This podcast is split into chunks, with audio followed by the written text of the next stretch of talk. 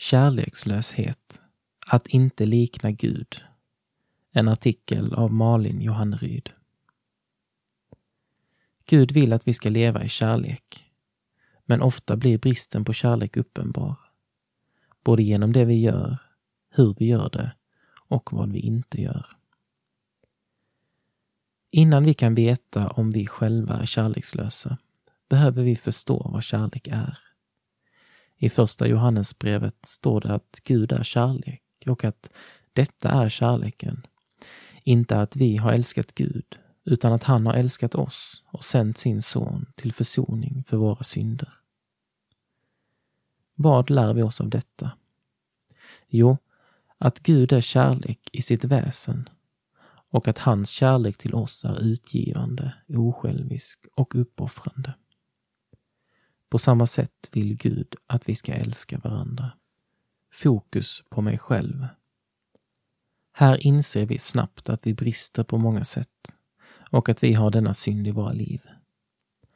Även om vi inte går runt och sprider hat är vi sällan så kärleksfulla som vi skulle kunna vara.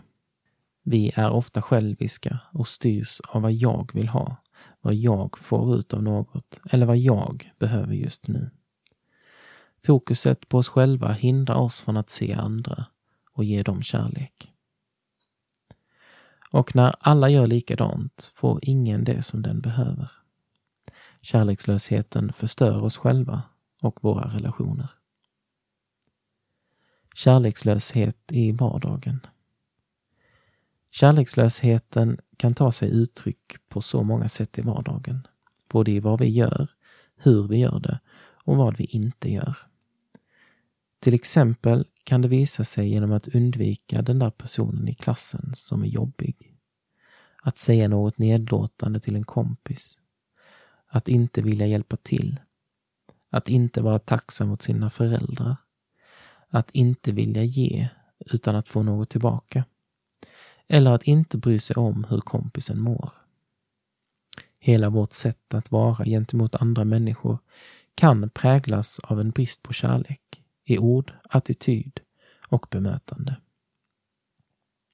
Detta får vi fundera över. Är det kärlek jag sprider eller finns där kärlekslöshet? Vi är kallade att älska alla människor, även våra fiender och de som vi stör oss på.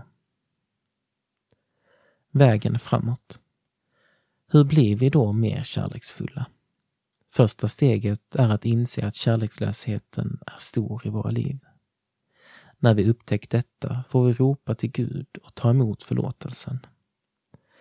Sen får vi också se på Jesus och ta honom som exempel. Han älskade och offrade sig för dem som var hans fiender. Han var ödmjuk och kärleksfull mot dem han mötte. Vi får också be till Gud om mer kärlek i våra liv och att han får mjuka upp våra hjärtan. Det vill han göra. Eftertanke. Vad sprider du för atmosfär till dina medmänniskor i olika sammanhang? Bidrar du med kärlekslöshet eller kärlek?